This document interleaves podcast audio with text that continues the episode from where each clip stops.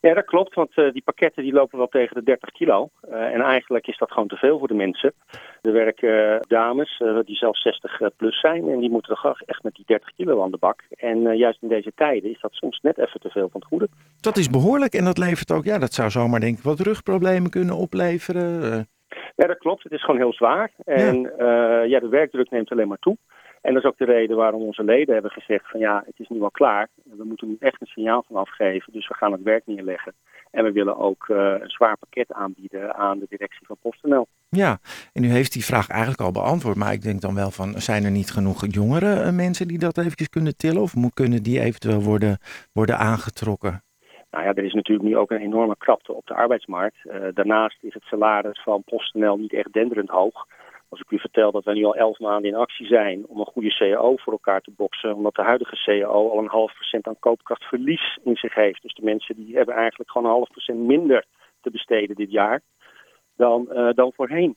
Dat lijkt me een duidelijk antwoord. Speelt dit vooral in de decembermaand of eigenlijk het hele jaar? En ik vroeg me ook af, hoe, hoe komt dat dat die pakketten steeds zwaarder worden? Nou, het is het hele jaar door. Uh, en het is niet altijd bekend hoe zwaar een pakket is. dat is ook uh, erg lastig. Kijk, een koelkast kan je heel goed zien, uh, dat is groot en zwaar. Laat staan een wasmachine. Maar deze pakjes, ja, je kunt niet aan de buitenkant zien hoeveel erin zit. En ja, de werkdruk, het aantal pakketten, neemt natuurlijk ook toe in de maand december. Maar in zijn algemeenheid geldt dat door het hele jaar heen zijn er gewoon hele zware pakketten die gesorteerd moeten worden. Nou, kortom, dit is gewoon helemaal niet goed voor de medewerkers van de PostNL. Vandaar dat jullie vandaag is dus dat zware pakket. Is dat al intussen gebeurd, afgeleverd en bij wie precies? Wij gaan hem eh, afleveren bij eh, de directie, die hebben we uitgenodigd. Uh, ze zijn, hebben beloofd om te komen. En uh, ja, als het een beetje mee zit, kunnen we het gaan overhandigen. Mm -hmm. En waar hopen we op? Misschien, uh, ja, ik denk dan compensatie in de vorm van geld, maar daar worden die pakketten niet lichter van. Nee, we willen natuurlijk gewoon allebei. Wij komen op voor alle belangen van de werkenden in Nederland. We willen gewoon deugdelijke arbeidsomstandigheden. Dat betekent dat die arbeidsomstandigheden aangepast moeten worden. En uiteraard wordt er ook gewoon een fatsoenlijk salaris bij. Dus laten we eerst maar eens om de tafel gaan zitten en concrete afspraken gaan maken met PostNL over verlichting van de werkzaamheden en een verrijking van de arbeidsvoorwaarden.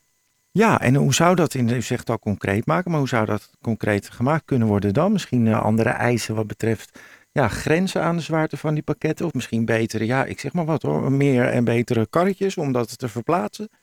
Ik denk dat het een combinatie is. Het is een combinatie van dat je de juiste hulpmiddelen hebt. Als het gaat over steekwagentjes en uh, lorries en, en uh, mini-heftrucks. Maar uiteraard ligt de sleutel ook bij de klant. Want de klant levert een pakket aan. Op het moment dat een klant meer gaat aanleveren dan 20 kilo, dan moet er eigenlijk gewoon uh, een sticker op of uh, hij moet anders verwerkt worden. Het gaat erom dat uh, PostNL gewoon moet weten welke pakketten er het circuit ingaan en welke mensen daar dan mee in aanraking komen. Het is een logistiek proces wat volgens mij vrij makkelijk in te richten is, maar je moet het wel willen.